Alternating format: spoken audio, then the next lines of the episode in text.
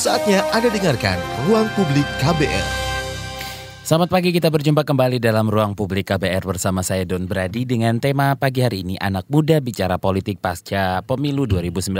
Saudara hiruk pikuk dalam negeri semoga bakal segera reda ya setelah Mahkamah Konstitusi mengetuk palu keputusan sengketa pemilu presiden dan KPU kemarin telah menetapkan presiden terpilih. Kini saatnya semua elemen masyarakat bersatu kembali, tak terkecuali anak muda. Pagi ini telah hadir di studio KBR Ahmad Sajali yang merupakan koordinator Youth Proactive Aktif, sebuah inisiatif yang bertujuan untuk mendorong anak muda Indonesia berperan secara aktif di gerakan sosial politik. Kita akan berbincang seperti apa anak muda bicara politik pasca pemilu 2019. Oke, pagi ini kita ngobrol soal anak muda bicara politik pasca pemilu 2019.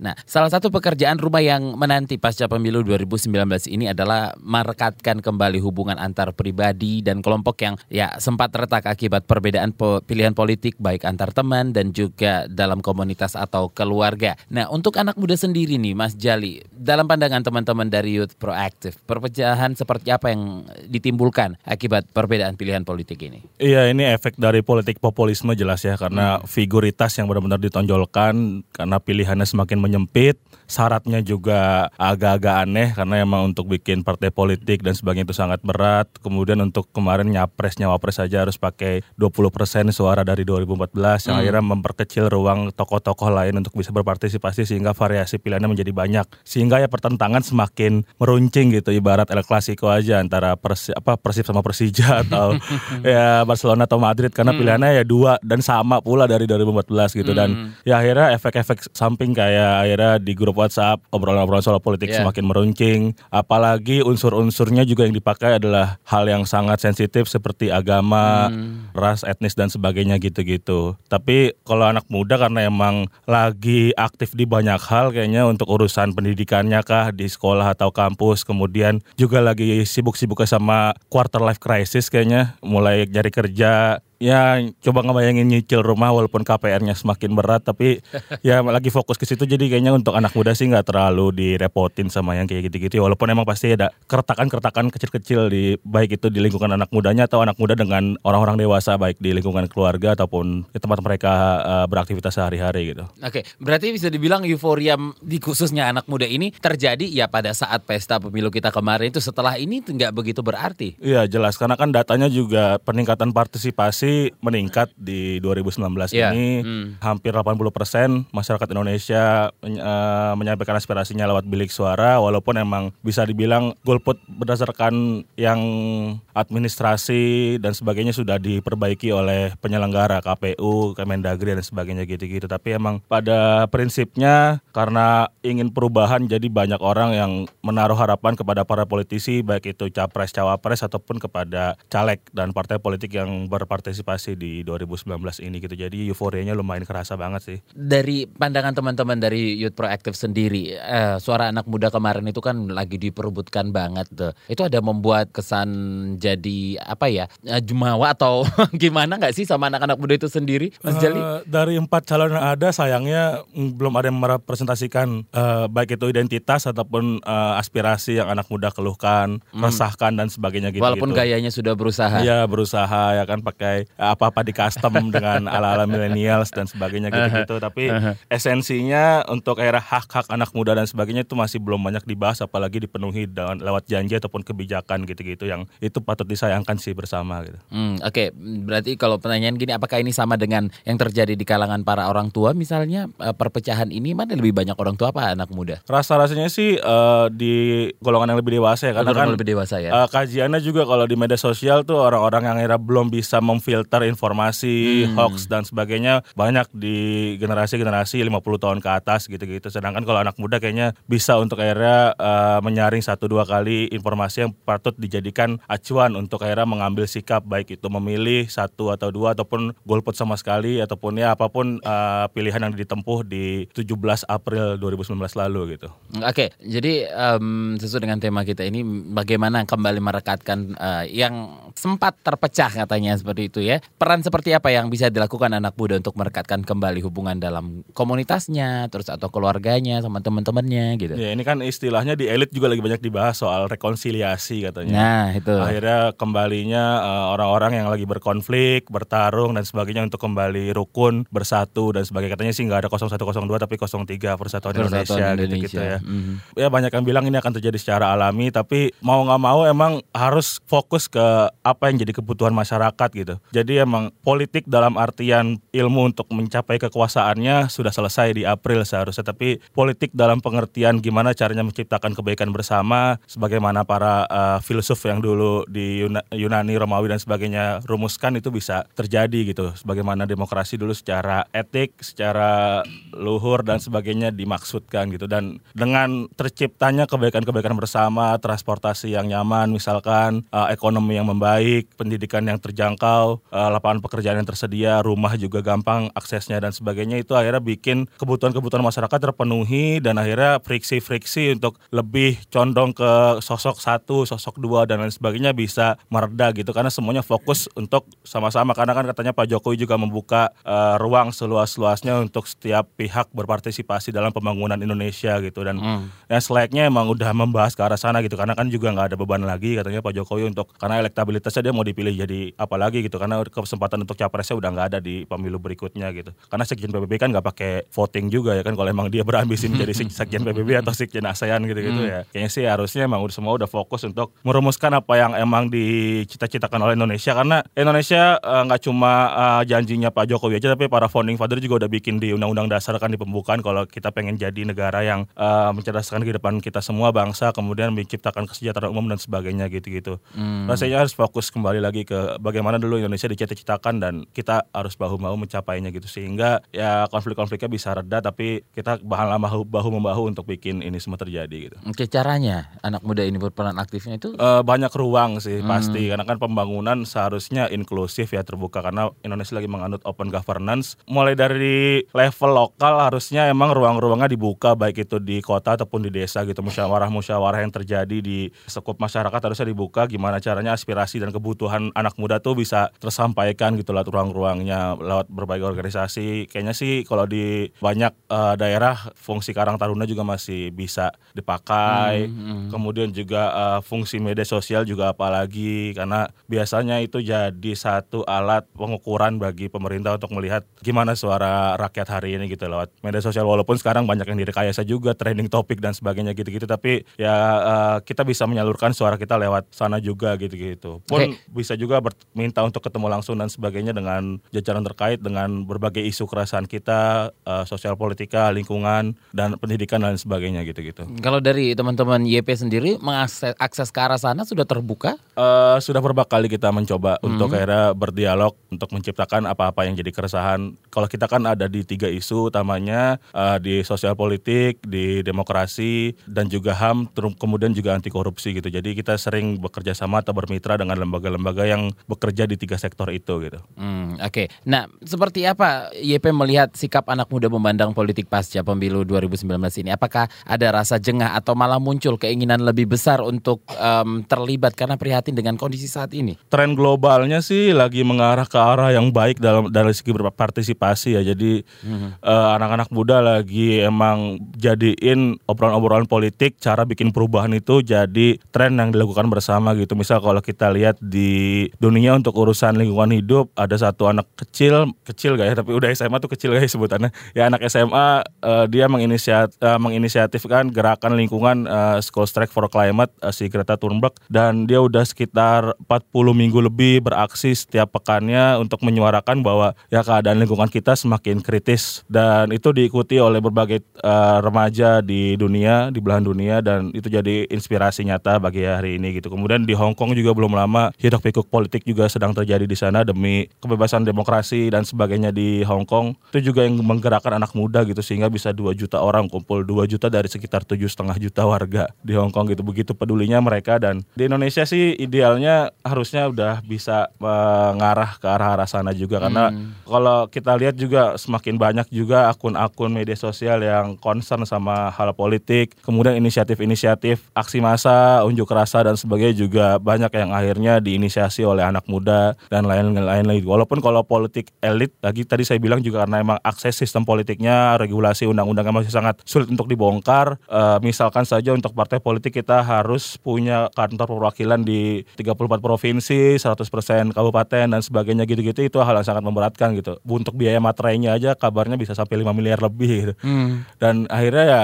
kita belum lihat juga partai politik yang bisa menerapkan nilai-nilai yang progresif dan sebagainya. Semoga sih PR pasca ini banyak orang yang concern sama hal ini karena politik yang semakin mahal sehingga menciptakan populisme akhirnya menciptakan friksi yang bikin kita terpecah belah sehingga hari ini gitu sehingga bisa berpikir ke arah sana rekonsiliasinya lebih jauh bukan hanya rekonsiliasi antara Jokowi Prabowo cebong kampret dan sebagainya tapi juga rekonsiliasi gimana kondisi sosial politik kita untuk jadi lebih baik ke depannya. Oke, kita angkat dulu ada telepon dari Pak Heri di Tomohon. Selamat pagi Pak Heri. Selamat pagi yang indah. Ya, silakan Pak. Pemilu politik zaman sekarang jauh lebih baik daripada waktu lalu. Dan tiba saatnya partai politik mana pun dan pemerintah bersinergi lalu menyiapkan regenerasi. Kekurangan di kita yaitu tidak konsen kepada regenerasi sehingga terus kalangan tua yang uh, apa mempertahankan status quo. Kenapa regenerasi? Dan kalau dibilang uh, politik semakin mahal, saya kok tidak melihat demikian. Ke depan nanti biaya uh, kos politik jauh lebih murah dengan dunia digital sekarang. Nah, karena apa? Terutama Pilpres zaman sekarang ini ada sebuah pendidikan politik yang sangat buruk dari Prabowo Sandi. Tidak menunjukkan negarawan dan tidak menunjukkan uh, apa uh, patriotisme. Mengenai mengucapkan selamat saja itu bukan soal budaya barat, tetapi budaya sportivitas di dunia mana pun, budaya mana pun. Jadi menurut saya regenerasi sudah harus disiapkan. Anak muda sekarang terlena dengan digitalisasi atau milenialisme. Ini tiba saatnya mereka juga melek politik. Tapi zaman sekarang anak-anak sudah tertarik dengan dunia politik. Cuma masalahnya sekarang seperti dunia news, bad news is good news. Nah sekarang bagaimana mitos ini harus dirubah untuk ke depan nanti. Kos politik saya yakin lebih murah karena dengan milenialisme zaman sekarang ini hanya kesadaran dan nawaitu atau niat dari partai politik dan pemerintah yang ada itu perlu sinergi. Demikian, salam sukses KBR. Baik, terima kasih Pak Heri di Tomohon. Nanti kita akan tanggapin pernyataan dari Pak yeah. Heri. Kita harus break dulu, jangan ke mana-mana, tetap di ruang publik KBR. Anda masih mendengarkan Ruang Publik KBR bersama saya Don Brady dengan tema pagi hari ini Anak Muda Bicara Politik Pasca Pemilu 2019. Dan saya masih bersama Ahmad Sajali, koordinator dari Youth Proactive. Oke Mas Jali kita angkat dulu telepon. Ada Bapak Herman di Sintang. Pak Herman, selamat pagi. Selamat pagi. Silakan. Iya, kalau menurut saya kemarin ya tentang kampanye segala itu kan banyak di sosial media dan stasiun TV itu kebanyakan elit-elit politik itu kampanyenya mencaci maki antara oposisi ataupun yang melawan apa lawan lawan itu ya petahana lawan, gitu ya? Nah, petahana hmm. gitu. Itu tidak baik menurut saya pak. Nah, kemarin itu kayak BPN-nya Prabowo itu mencaci maki yang sikap yang tidak nerga apa kemanusiaan yang kayak gitu yang menjadi contoh yang tidak baik bagi masyarakat yang melihat itu pak. Khususnya untuk itu anak harus, muda seperti itu ya? khususnya untuk hmm. anak muda. Jangan kayak gitu. Apa yang di apa apa yang terwujud oleh Pak Jokowi tolong disampaikan lah yang baik-baik itu hmm. jangan kita melihat yang kekurangan itu wajar lah. Namanya manusia pasti ada kekurangannya, Pak. Okay. Nah, itu menurut saya. Baik. Kalau Pak Prabowo sama Pak Sandi, tolonglah memberikan selamat lah kepada Pak Jokowi. Jangan okay. kayak gitu, Pak. Baik. Nah, terima kasih. Terima kasih Pak Herman di Sintang. Selamat pagi. Mungkin bisa dibilang eh, para tidak spesifik sih ya. Mungkin para politikus kita itu harus memberikan contoh yang baik kepada anak muda. Oke, sebelum ke Pak Herman ada Pak Heri tadi di Tomohon. Gimana nih, Jali? Iya, terima kasih Pak Heri dan Pak Herman. Iya. Semoga kayaknya nggak saudaraan ya sama. Inputnya menarik karena eh. emang kontekstual yang terjadi di politik elit ya sedemikian rupa lah. Hmm. Karena emang saling membalas kayaknya komunikasi antar mereka untuk bukan saling mengerti tapi emang untuk saling membalas aja gitu. Yang satu hmm. lempar gimmick apa, yang satu uh, balas gimmicknya dan sebagainya gitu-gitu. Walaupun emang dari kedua pembicara uh, condong ke kubu BPN atau Prabowo Sandi yang memberikan itikat atau emang contoh-contoh yang kurang baik gitu. Bahkan katanya ngucapin selamat aja tidak karena hmm. tidak elok berdasarkan kan itu karena budaya barat dan sebagainya walaupun katanya di media sosial ya Sandiaga Uno juga sering memberikan selamat hmm selamat ulang tahun kah atau selamat-selamat yang lain untuk kerabat-kerabatnya gitu. Hmm. Dan menurut saya sih hal itu emang efek dari politik itu sendiri ya karena kan politik lagi-lagi emang niatnya kalau secara keilmuannya atau secara orang-orang yang pahami untuk kekuasaan ya. Jadi apa pun caranya emang bakal diladenin gitu. Walaupun banyak akhirnya yang beranggapan kalau hal yang buruk ini populisme yang berlandaskan agama dan sebagainya dimulai oleh kubu Prabowo Sandi dengan pasukannya 212 dan sebagainya gitu-gitu. Tapi kita juga nggak boleh lupa kalau uh, yang main api di isu populisme agama juga kubu Jokowi, TKN dan sebagainya dengan mengajak Maruf Amin untuk menjadi cawapres dan Hmm. sebagainya gitu-gitu yang merupakan dewan MUI dan lain-lain sehingga ya dulu kan ya dulu kan sahabat baik kan Prabowo, Maruf Amin dan sebagainya tapi akhirnya karena kontestasi 17 April kemarin akhirnya harus terpecah dan sebagainya gitu-gitu. Jadi eh, main api di ya di lingkungan yang sama gitu sehingga kita akhirnya nggak bisa dapat eh, satu sosok yang menerapkan hal-hal yang ideal, progresif dan sebagainya. Walaupun emang kita nggak bisa munafik atau nggak bisa eh, naif banget gitu. Kalau ini ya politik lagi-lagi ya tahta yang jadi motivasi, tahta yang jadi hal yang harus diincar dan sebagainya gitu-gitu. Jadi ya begitu kondisinya. Jadi kalau tadi menurut kedua eh, Penelpon pendengar kita. Mhm. eh, lebih condong ke salah satu kalau menurut saya kedua-duanya juga berperan dalam kondisi yang sedemikian rupa gitu. Kalau teman-teman YP sendiri melihat anak muda sudah bisa ngelihat ke arah ke situ nggak sih terkait dengan apa yang dikatakan para pendengar kita itu melihat "Cong, ini mereka itu tidak memberikan contoh yang baik sebenarnya. Iya, sayangnya emang yang akhirnya dipakai oleh berbagai media tadi juga ada soal kajian media, good news, it bad news dan sebagainya gitu-gitu. Yang banyak emang gimmick-gimmick kayak gitu, nggak mengucapkan selamat dan gimmick-gimmick yang Iya. akhirnya uh, sangat kulit, sangat uh, di permukaan dan sebagainya gitu-gitu sehingga soal bicara gagasan tuh sangat minim gitu. Hmm. Itu yang akhirnya uh, bagi anak muda mungkin jadi orang jadi malas untuk melangkah ke tahap selanjutnya gitu. Walaupun emang pasti ada uh, tendensi dalam diri masing-masing untuk akhirnya punya preferensi memilih satu daripada yang lainnya gitu-gitu. Tapi uh, karena emang pembicaraannya hal-hal yang bikin malas gitu, uh, ibarat kita buka isinya kayak lambe turah aja lah. Ya walaupun kita emang suka konsumsi hal-hal yang kayak gitu, Iya, tapi iya. uh, kita pengen politik yang konstruktif sebenarnya yang isinya gagasan, program dan sebagainya gitu-gitu. Jadi kita bisa benar-benar berpartisipasi dalam rangka pembangunan Indonesia gitu. Jadi buat susah move on juga nggak sih? Susah move on bagi yang kalah kali. ya. Kalau yang menang sih suka suka duka gitu karena apalagi berpartisipasi sebagai relawan, Iya, iya, iya, sebagai buzzer mungkin dan sebagainya gitu-gitu ya. Pasti mereka senang-senang kan menunggu invoice cair kayaknya nih. Tapi Semua sih nunggu Iya, iya. invoice cair ya, walaupun kalah yang menang. Uh, awal bulan nih. Oke, tapi sebenarnya Mas Jali, apa sih pentingnya anak muda itu bicara atau punya concern tentang isu politik? Tadi Pak siapa tadi yang Pak Heri juga sempat menyinggung soal regenerasi. Iya, di setiap partai politik secara administratif pasti punya uh, sayap atau underbow politik anak mudanya gitu. Misal Hmm. kalau di Golkar ada AMPG, Ya. apalagi kalau di PSI rata-rata kemarin anak muda semua walaupun akhirnya kita belum bisa lihat kiprah mereka di Senayan untuk Hmm. lima tahun ke depan. Uh, tapi emang uh, untuk ruangnya itu masih sangat terbatas gitu karena metode, metode politiknya masih sangat uh, patron klien karena emang dididiknya secara uh, dari organisasi yang menjadi induk semang dari organisasi anak muda juga seperti itu gitu. Jadi metodenya patron klien siapa senior yang akan kira-kira kita uh, dukung bisa ngasih apa senior itu ke kehidupan kita dan sebagainya gitu-gitu. Sehingga kita justru malah melihat mungkin kalau teman-teman perlu ingat lagi dulu ada anak muda yang diberi kesempatan untuk jadi ketua partai politik yakni Anas Urbaningrum di Demokrat tapi belum lama dia menjabat dia malah jadi tersangka atau bahkan sekarang udah jadi terpidana kasus politik gitu karena kasus hambalang dan sebagainya gitu-gitu. Jadi eh, karena emang ada beban untuk akhirnya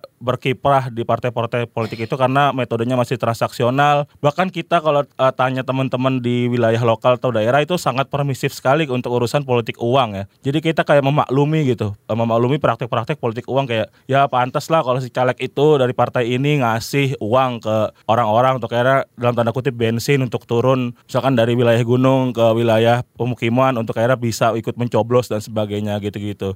Dan itu kan akan menjadi satu cara yang ditempuh oleh para politisi, para caleg untuk akhirnya bisa mengantarkan dia jadi anggota dewan sehingga bisa nanti membancak anggaran untuk akhirnya jadi modal untuk uh, periode-periode berikutnya atau balas atau bayar utang, modal dan sebagainya gitu-gitu. Jadi emang uh, saya juga agak meragukan kalau tesisnya Pak Heri tadi menyatakan kalau politik akan semakin mudah dengan digitalisasi gitu. Kita juga tahu kalau digitalisasi juga ada uangnya di situ gitu. Kita butuh pasukan untuk akhirnya bisa bikin nama kita naik ke permukaan, jadi pembahasan di media sosial dan sebagainya gitu-gitu. Dan itu juga bukan biaya yang murah gitu. Itu jadi incaran-incaran agensi-agensi biasanya untuk uh, bahkan uh, lembaga survei juga beberapa membuka jasa untuk akhirnya bisa uh, membranding uh, orang yang mau berkiprah di dunia politik baik itu di pilkada, di pileg dan sebagainya gitu-gitu. Jadi saya masih agak meragukan kalau dulu ada tesis saya dari uh, yang sekarang jadi message kita Pak Pramono Anu kalau uh, menyatakan kalau biaya politik itu sangat mahal itu masih sangat real terjadi gitu untuk di berbagai level di Indonesia. Oke, untuk mereka mereka ini apakah perlu dika, dilakukan sesuatu agar mereka apa namanya nggak alergi dengan politik misalnya atau yang pengen um, apa namanya maju ke dunia politik lima tahun lagi setelah pembelajaran yang saat ini apa yang sebenarnya perlu dipersiapkan oleh anak muda itu sendiri? Tadi Mas Jali juga sudah cerita soal ya sudah pernah tuh anak muda uh, jadi apa ya dibilang nggak muda-muda banget pokoknya ya muda dari uh, sebelum-sebelum senior-seniornya gitu malah terjerat sama kasus yang um, tidak ini tidak tidak tidak sedikit gitu loh. Apa yang sebenarnya harus dipersiapkan anak muda itu sendiri? Karena emang kita menjadi korban depolitisasinya Orba ya, maknaan politik yang menjadi beda, terus uh, sistem politik yang gak karuan, gak ideal dan sebagainya. Uh, langkah yang sangat ideal mungkin emang sangat jauh ke depan perlu kita coba gitu. Kalau menurut saya yang idealnya emang bener-bener uh, satu inisiatif politik baik itu partai ataupun bentuk-bentuk lainnya. Misalkan ada kalau di Amerika sana juga sekarang calon-calon senatornya dari berbagai partai, dia secara inisiatif membuat forum-forum kecil hmm. bersama warga untuk mencari menggali keresahan-keresahan yang ada di uh, masyarakat lokal itu seperti apa gitu. Dan itu hal hal-hal yang menurut saya masih belum kita lihat secara uh, praktikal sering dilakukan di Indonesia gitu. Walaupun secara proses ada namanya reses, hmm. uh, ada berbagai cara uh, rumah aspirasi dan sebagainya gitu-gitu, tapi pada substansinya belum bisa akhirnya mencari atau mengkuantifikasi keresahan masyarakat seperti apa dan akhirnya dibawa diusulkan ke DPR untuk menjadi aturan ataupun uh, kementerian juga menjadi kebijakan dan sebagainya gitu-gitu. Dalam benak saya sih seharusnya anak-anak muda berhimpun uh, se Indonesia ini harusnya yang belajar soal sosial politik, hal-hal yang progresif dan sebagainya berkumpul kalau bisa emang uh, mencetuskan satu partai politik progresif menurut saya sih itu sah-sah aja gitu mm untuk dijadikan wacana gitu. Mm. Misalkan kemarin sebenarnya PSI sudah bisa merebut uh, sebagian kecil ya nggak kecil juga sih angkanya jutaan gitu 2, persen dari total DPT untuk akhirnya bisa ikut di kontestasi pemilu 2019 ini gitu. Tapi uh, masih ada hal-hal yang beberapa hal yang masih belum clear dari PSI dan belum sesuai gitu. Anak KBK mungkin ke depan ada PSI Perjuangan mungkin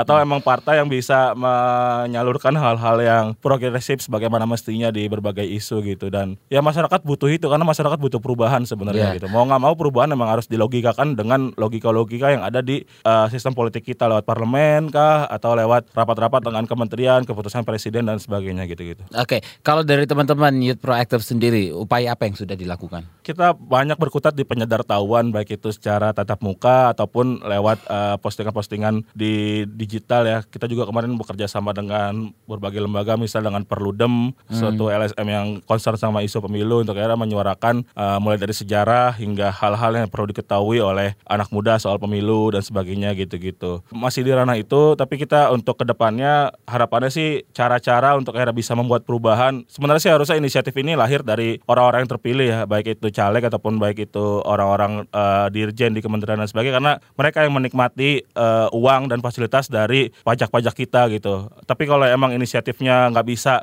top down tapi bottom up dari kita sendiri ya kita akan mencoba hal itu gitu. Kita akan mencoba untuk beberapa keresahan mungkin untuk bisa uh, berubah berubah kebijakannya walaupun emang bukan kita sebagai aktor politik elitnya tapi uh, kita menjadi aktor politik warga gitu. Warga sebenarnya bisa juga uh, berpolitik menyampaikan keresahan dan merubah sesuatu gitu. Oke, kita break lagi nih Mas Jali. Jangan ke mana-mana, ruang publik akan kembali.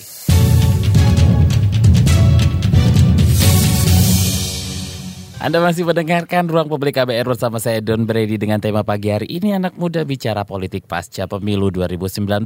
Saya masih bersama Ahmad Sajali, koordinator Youth Proactive. Mas Jali kita bacain beberapa WhatsApp dulu yang sudah okay. masuk ya. Dari Wahyu di Depok, usul saja bagi anak-anak muda yang kelihatannya alergi bicara politik bisa masuk lewat isu-isu seperti korupsi dari level terkecil atau isu sosial. Gimana nih Mas Jali? Iya itu juga udah kita coba ber, di berbagai daerah lewat dulu inisiatif Youth Report Center di empat titik di Aceh, di Jawa Barat, di Nusa Tenggara Barat dan Nusa Tenggara Timur. Jadi uh, korupsi sektor lokal bisa dilaporkan di teman-teman kita di berbagai daerah itu. Di- Mereka membuat posko laporan sehingga permasalahan di sektor lokal bisa ada salurannya. Nanti mereka akan meneruskan ke ber- berbagai lembaga yang akhirnya bisa menyelesaikan kasus tersebut gitu. Karena kan KPK juga buka uh, ruang seluas-luasnya lewat pengaduan masyarakat dan berbagai mekanismenya gitu. Oke, dari Sinta di Semarang, organisasi Mas narasumber ini ada di daerah nggak sih? Atau ada kegiatannya untuk anak-anak di daerah nggak ya? Saya kira ini wadah yang penting untuk anak muda. Iya, kalau Youth Proactive sih secara resmi hanya ada di Jakarta aja untuk secara kelembagaan, tapi kita punya berbagai mitra di daerah tadi yang seperti disebutkan di empat provinsi tersebut.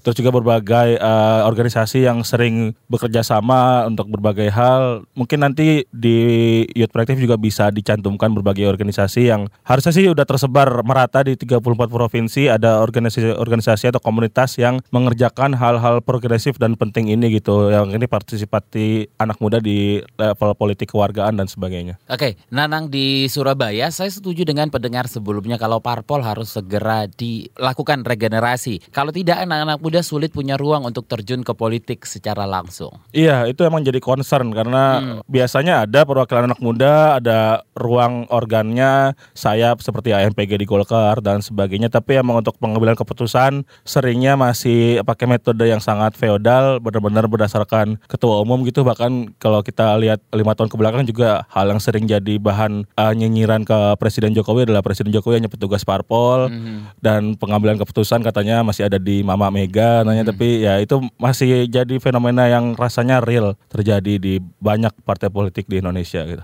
Oke, Linda di Bengkulu, saya kira sejak dini anak-anak harus dikenalkan dengan isu politik dan demokrasi. Tentu dengan cara yang sederhana dan sesuai usia anak, tapi ini penting. Usia berapa sebaiknya diperkenalkan dengan tidak ada patokan usia nggak sih? Atau iya gimana? harusnya sih misal aja ya nih ya kalau kita memaknai politik secara luas sebagai Ah. emang sebagai hal ditentukan oleh proses politik eh, gimana bangsa kita berkembang berubah dan sebagainya gitu-gitu bahkan harga setiap item yang mau kita beli di pasar misalkan itu juga berdasarkan keputusan politik kementerian untuk menentukan harga sayur dan sebagainya gitu-gitu emang selayaknya itu disampaikan juga ke anak-anak gitu. Misalkan dengan berbagai metode. Misal kalau ke anak-anak metodenya bisa jadi lewat eh, cara mendongeng misalkan Dulu ada kisah menarik misalkan kalau di Inggris tuh gimana caranya membuat anak-anak kecil menjadi lebih eh, baik. Jadi kayak ada semacam revolusi mental gitu di Inggris. Benar-benar kejadian nggak kayak di Indonesia. Wah, jadi ngeritik Pak Jokowi terus nih.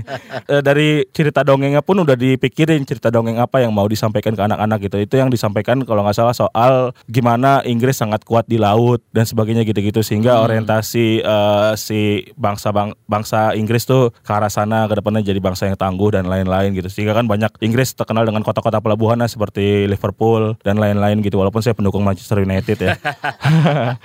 Terus ya di Indonesia juga ada metode-metode kayak gitu. Kita pas kecil juga sering dengar dongeng soal si kancil dan sebagainya. Tapi sayangnya harusnya sih kayaknya sih pegiat dongeng juga udah pakai konser. Kenapa harus yang si kancil dan kontennya juga soal mencuri timun gitu kan sehingga ya kita nggak tahu nih ada implikasi secara real atau enggak ya banyak orang yang suka ngutil, pejabat eh, suka nilep uang, rubah-rubah anggaran, markup dan sebagainya sehingga menjadi koruptor dan lain-lain gitu. Eh, Ah, berbagai cara sih seharusnya bisa ditempuh buat anak-anak dan di berbagai momentum di belahan bumi lain juga di Eropa dan lain-lain aksi massa juga udah banyak ah, melibatkan anak-anak untuk ikut ke jalanan dan sebagainya gitu-gitu. Karena emang udaranya kayaknya lebih enak kali buat aksi ya. Kalau di Jakarta udaranya selain panas juga kabarnya lagi banyak polusi juga kan nih. Oke, Mas Jali, Youth Proactive sendiri punya beberapa kegiatan ya, seperti uh, Youth Digital Activism, terus juga Youth Activism, Youth Capacity Building, dan juga Youth Discussion. Bisa dijelaskan secara singkat program-program ini? Ya itu beberapa item yang jadi program di Youth Proactive. Misal kalau digital activism kita lagi dan sedang mengembangkan uh, website yang jadi ruang. Jadi bukan hanya kontributor-kontributor Proactive aja atau anggota-anggota YP aja yang bisa mencetuskan karya atau tulisan di website kita, tapi teman-teman anak muda se-Indonesia juga bisa mengirimkan karyanya, submit ke kita, nanti kita kurasi dan kita terbitkan juga gitu. Itu ada website dan media sosial. Kemudian aktivisme kita juga terlibat di beberapa aksi massa, misal di kita rutin secara Kamis bareng sama berbagai kelompok lain, para korban dan keluarga korban pelanggaran HAM berat di Indonesia kumpul di aksi Kamisan untuk menuntut negara menyelesaikan pelanggaran HAM berat masa lalu. Terus juga di momen-momen tertentu, misal di International Women's Day juga kita ikutan, terus uh, kayak Women's March dan sebagainya juga kita bersolidaritas bersama orang-orang yang sedang menuntut keadilan dan menuntut banyak hal. Jadi itu diimplementasikan uh, lewat youth activism. Mm-hmm. Ataupun emang yang di sektor lokal tadi seperti penerimaan laporan-laporan, hal-hal yang perlu diubah dan sebagainya juga kita bisa uh, menindaklanjutinya gitu-gitu. Uh, membuka ruang komunikasi dan lain-lain. Kemudian kalau yang discussion kita juga mengembangkan diskusi. Kita dulu punya program ngopi sebulan sekali, tapi sekarang kita lagi coba alihin dengan frekuensi lebih banyak jadi di dua pekan sekali. Namanya ngaso malam Kamis kita ngerjain di Ojo Kios, di Kios Ojo Kios. Uh, yang beberapa apa isi diskusinya juga jadi produk podcast kita yang bisa didengerin oleh teman-teman di Spotify dan mm -hmm. berbagai platform lainnya. Harapannya sih bisa di KBR juga ke depannya. Mm -hmm. Ditunggu ya. proses ya.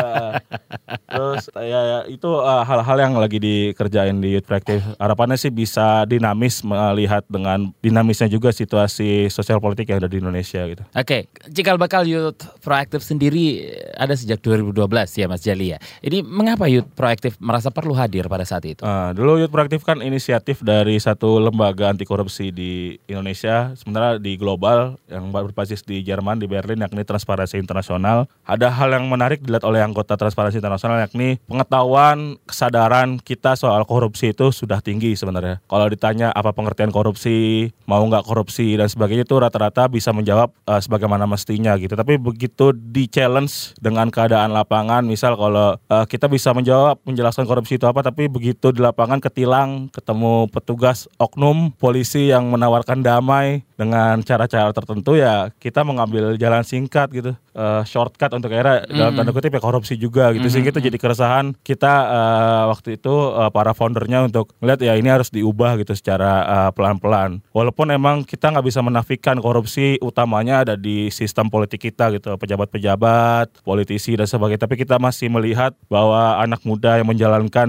negara kita di masa depan itu real adanya gitu. Harapannya ya politisi-politisi atau anak-anak muda yang terserap dari generasi saya, generasi muda hari ini, jika nanti emang sudah pada saatnya mengemban amanah dan sebagainya, udah nggak ada lagi yang akhirnya tercatat di sejarah sebagai pelaku tindak pidana korupsi gitu. Hmm, Oke, okay. nah sejak saat itu sudah berapa banyak anak muda yang berhasil dirangkul sama YP? Jumlah detailnya banyak banget ya karena hmm. kita sering bikin yang capacity building per komunitas di kampus, di sekolah dan sebagainya gitu-gitu di berbagai wilayah. Pernah juga roadshow sampai ke Makassar di beberapa titik di kota di Pulau Jawa dan sebagainya. Terus juga pernah bikin uh, di level nasional bersama KPK dan berbagai lembaga lainnya. Kayak mostly orang-orang yang sudah secara langsung jadi uh, orang yang terlibat dalam kegiatan youth proaktif, berinteraksi dan sebagainya ada di angka lima ribuan. Hmm. Uh, tapi untuk akhirnya yang menjadi uh, orang yang terpengaruhi belum tentu, tapi terpapar oleh produk-produk kayak youth proaktif dan sebagainya uh, yang sudah mengunjungi website kita juga jumlahnya ada puluhan ribu dan sebagainya gitu-gitu. Kecil memang dibandingkan dengan total populasi Indonesia atau bahkan total populasi anak muda yang mencapai sekitar uh, 60% dari total populasi Indonesia gitu. Tapi uh, harapannya inisiatif ini nggak hanya youth proaktif yang kerjain tapi juga organ-organ lain gitu harapannya juga para influencer orang-orang hmm. yang jadi uh, orang-orang didengar oleh anak muda di Indonesia bisa juga menyuarakan hal ini gitu. Oke, rata-rata latar belakang yang sudah bergabung sama ini apa aja ini? Mas Bebas sih. Bebas, uh, ya? Sebagai info saya lulusan pendidikan geografi, mm -hmm. jadi tidak ada uh, satu kewajiban untuk menjadi anak kreatif harus dari politika atau harus dari hukum dan sebagainya gitu. Ini terbuka bagi siapa pun gitu yang mau terlibat di Youth Proactive. Oke, baik. Kita harus break lagi. Jangan ke mana-mana. Ruang publik akan kembali.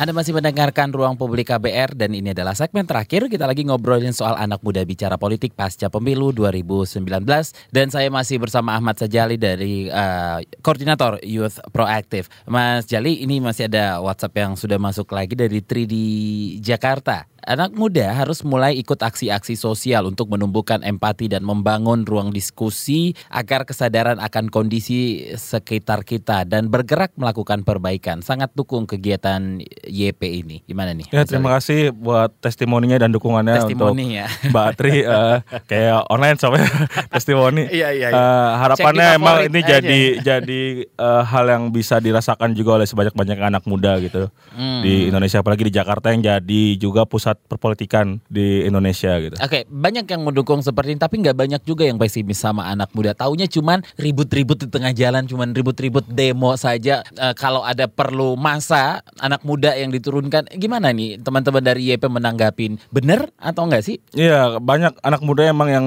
dipertimbangkan hanya sekedar jumlah gitu, nggak Iya. nggak kualitas jadi emang hanya dikontak untuk keperluan hari H gitu. ya nggak tahu motifnya apa ya, bisnya disediain Iya, iya, biasanya dan Koordinator juga sebagainya gitu-gitu. Enggak? Kita nggak pernah sih. Mungkin suatu titik kalau emang udah, oh nggak jangan sampai lah, Jangan sampai. jangan sampai luntur lah idealismenya. Tapi itu nyata real kalau emang aksi-aksi tersebut banyak juga yang akhirnya melibatkan anak muda. Bahkan ini yang bu- motifnya bukan ekonomi, bahkan yang kejadian di 21 sampai 23 Mei kemarin bahkan banyak juga korbannya yang anak muda gitu dari 9 orang yang tewas menjadi korban kemarin. Ya. Beberapa Anak anak, muda muda, dan itu. emang landasannya emang karena ingin menciptakan perubahan bahkan ada istilah jihad dan sebagainya Hmm. gitu-gitu ya karena emang mengkonsumsi hal-hal yang ya dalam tanda kutip bisa jadi salah gitu dan nggak ada uh, pihak yang akhirnya bisa jadi teman diskusi untuk akhirnya mengambil kebijakan atau keputusan lain gitu. Dan Hmm. itu real ada nyatanya tapi uh, harapannya emang ini yang luput dari partai politik kita gitu. Selain regenerasi partai politik kita juga luput mengerjakan pendidikan politik sebenarnya. Hmm. Politik hanya dimaknai partisipasinya hanya di hari pemilu lima tahun sekali yang dianggap bisa mengubah banyak hal gitu lima menit untuk lima tahun jargon-jargon seperti itu. Tapi mereka lupa untuk era bisa menyertakan anak muda atau masyarakat sebanyak-banyaknya untuk terlibat dalam urusan politik uh, keseharian gitu karena kan urusan politik tuh keseharian banget lah tiket pesawat Hmm. dan sebagainya gitu-gitu sampai sekarang juga katanya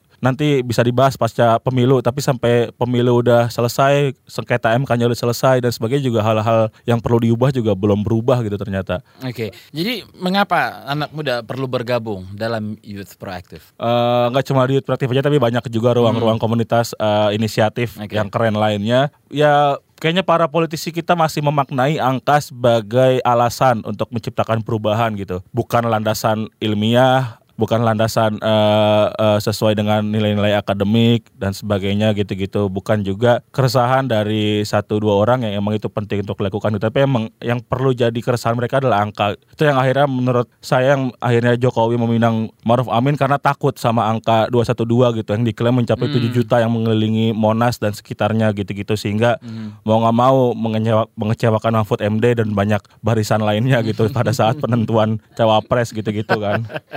ya Eh, kita tunggu emang- aja nanti kan masih ada kabinet yang katanya masih banyak anak muda gimana? Iya katanya mau diajak gitu-gitu ya. Diajak ya, mau diajak aja. Nggak tahu nih si Samara dan kawan-kawan nanti Iya iya dapat iya. di sektor apa ya. Iya iya. Ya, emang masih angka yang menjadi eh, matematikanya Pak Jokowi untuk menciptakan kebijakan gitu dan untuk itu kita memerlukan sebanyak-banyaknya anak muda untuk bisa menyuarakan hal-hal yang penting dan perlu kita ubah bareng-bareng. Misalkan kalau yang sekarang nih yang lagi concern banget eh, kualitas udara ya. Tadi saya ditanya kabar sebenarnya pengen jawab eh, lagi buruk karena pernafasan kita pasti terganggu kalau yang beraktivitas di Jakarta akhir-akhir ini. Bahkan Jakarta menduduki peringkat pertama untuk kualitas udara terburuk sedunia gitu. Dan itu eh, yang bisa mengubah ya pemerintah kebijakannya lewat penertiban PLTU, pabrik-pabrik, kendaraan bermotor dan sebagainya gitu-gitu. Kuasanya bolanya ada dalam pemerintah gitu dan sebanyak-banyaknya suara keresahan kita dan banyak orang lainnya yang bisa mengubah hal itu kebijakan dan sebagainya. Juga untuk urusan-urusan lain misalkan di sektor anti korupsi atau HAM dan sebagainya gitu-gitu. Karena kita hanya bisa bersuara eh, semakin banyak suara semakin bikin pusing presiden kalau nggak ngambil kebijakan jadi nggak populer ya, walaupun eh, Jokowi nanti nggak ikut pemilu lagi dan sebagainya tapi emang ya anak muda perlu untuk terlibat eh, pembangunan gak hanya sekedar jadi PNS jadi eh, anggota partai dan sebagainya gitu-gitu kita bisa menggunakan apa pun alat yang bisa menyalurkan aspirasi yang ingin kita ubah gitu Oke. Dan em, proses rekrutmen di YP sendiri itu berlangsung setiap tahun ya? Iya, idealnya setiap tahun kita uh, mengagendakan merekrut relawan yang kita akhirnya libatkan dalam proses capacity building gitu. Kita belajar bareng soal berbagai hal, politik, isu HAM, anti korupsi, lingkungan dan sebagainya gitu-gitu, isu gender juga itu sangat penting. Uh, kita ngerekrut sistem uh, relawan uh, sejauh ini sudah ada empat angkatan dan harapannya tahun ini juga kita bisa lanjutkan si inisiatif ini mungkin di uh, semester ke depan nanti sampai akhir tahun kita bakal merekrut uh, anak-anak muda untuk akhirnya bisa terlibat dalam kegiatan kita gitu. Oke, apa saja kegiatan yang dilakukan teman-teman yang baru bergabung dan ada syarat tertentu nggak sih kalau pengen gabung? Uh, syarat yang pasti anak muda. Mm-hmm. Kalau pakai uh, syaratnya PBB 30 tahun, uh, itu yang kita pakai walaupun secara kelembagaan negara yang dipakai adalah 40. Mm. Kalau pakai undang-undang pemudanya versi Kemenpora tapi kita 30 tahun uh, baik itu masih kuliah kah atau masih uh, juga memiliki profesi tertentu selama dia bisa memberikan uh, waktu, kesediaan dan sebagainya uh, itu bisa terlibat di kita. Nanti juga ada proses seleksi secara singkat dari mereka untuk bergabung. Uh, nanti kita juga bisa yang penting punya waktu sekitar tiga bulan kita bareng-bareng belajar. Setelah itu mereka uh, kita minta untuk bisa jadi kontributor di youthproactive.com dan sebagainya gitu-gitu atau terlibat di kegiatan-kegiatan offline kita baik itu diskusi, aksi dan sebagainya gitu-gitu. Oke, okay.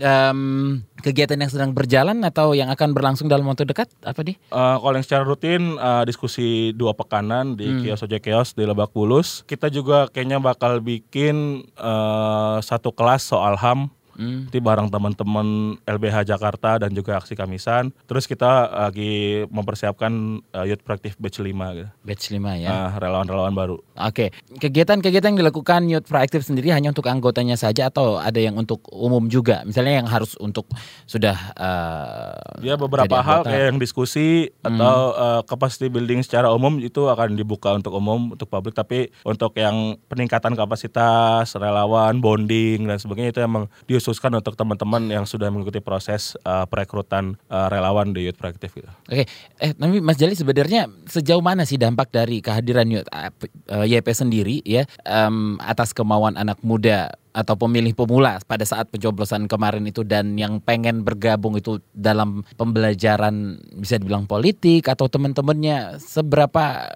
besar dampaknya? Ya kalau bagi orang-orang yang terlibat kegiatan kreatif hmm. uh, secara pribadi ya mostly sih ngerasa kayaknya uh, mengalami hal yang baik ya secara signifikan gitu. Kalau yang dulunya mungkin jarang-jarang mengerti soal fenomena-fenomena politik, sosial dan sebagainya uh, dengan akhirnya ikut kegiatan youth proaktif mereka jadi lebih melek hmm. untuk akhirnya uh, melihat situasi-situasi yang sedang terjadi di Indonesia gitu-gitu. Pengetahuan-pengetahuan juga uh, bertambah karena kita menerapkan banyak pola belajar bareng sama uh, sebanyak-banyaknya orang berbagai hal dari politik, isu-isu aktual dan sebagainya gitu-gitu. Tapi kalau emang pengukurannya secara angka untuk menciptakan perubahan kita juga belum bisa benar-benar mendata sebagaimana jauhnya gitu. Misalkan kayak ya waktu kejadian Setia Novanto misalkan yang di isu dia IKTP, korupsi IKTP, ya kita secara rutin menggelar beberapa kegiatan baik itu aksi di Bundaran HI pada saat Car Free Day, kemudian juga aksi di KPK-nya bareng-bareng teman-teman KPK dan sebagainya gitu-gitu dan akhirnya menjebloskan dia ke penjara walaupun setelah dijebloskan juga kita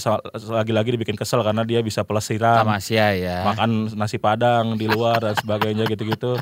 Ya secara secara langsung okay. emang susah diukur tapi uh, akhirnya bisa mengarus utamakan atau mainstreaming okay. isu uh, mengajak sebanyak-banyak anak muda untuk terlibat itu yang jadi PR yang diambil atau tugas yang diimban oleh Youth Proactive gitu. Oke, okay. kalau pengen tahu lebih banyak tentang YP sendiri bisa cari di mana? Hmm, situs kita masih aktif di okay. youthproactive.com mm -hmm. dan di Instagram, di Twitter juga ada gitu. Oke. Okay. Apa dong nama Instagramnya? Biar Instagramnya, siapa tahu ada miminnya di sana langsung ini. Youth proaktif. Uh-huh. Terus kalau Twitternya Y proaktif. Y proaktif ya. Oke, okay. bisa cari tahu informasi tentang hmm. YP di sana ya. Oke. Okay. Silakan follow. Ya. Uh-huh. Oke. Okay. Ahmad Sajali koordinator Youth, Youth Proaktif. Terima kasih atas waktunya. Terima kasih Mas Don dan kawan-kawan KBR sampai serta para pendengar ya. hari ini. Oke, sampai ketemu lagi. Oke, saya Don berada pamit. Salam. Baru saja Anda dengarkan Ruang Publik KBR.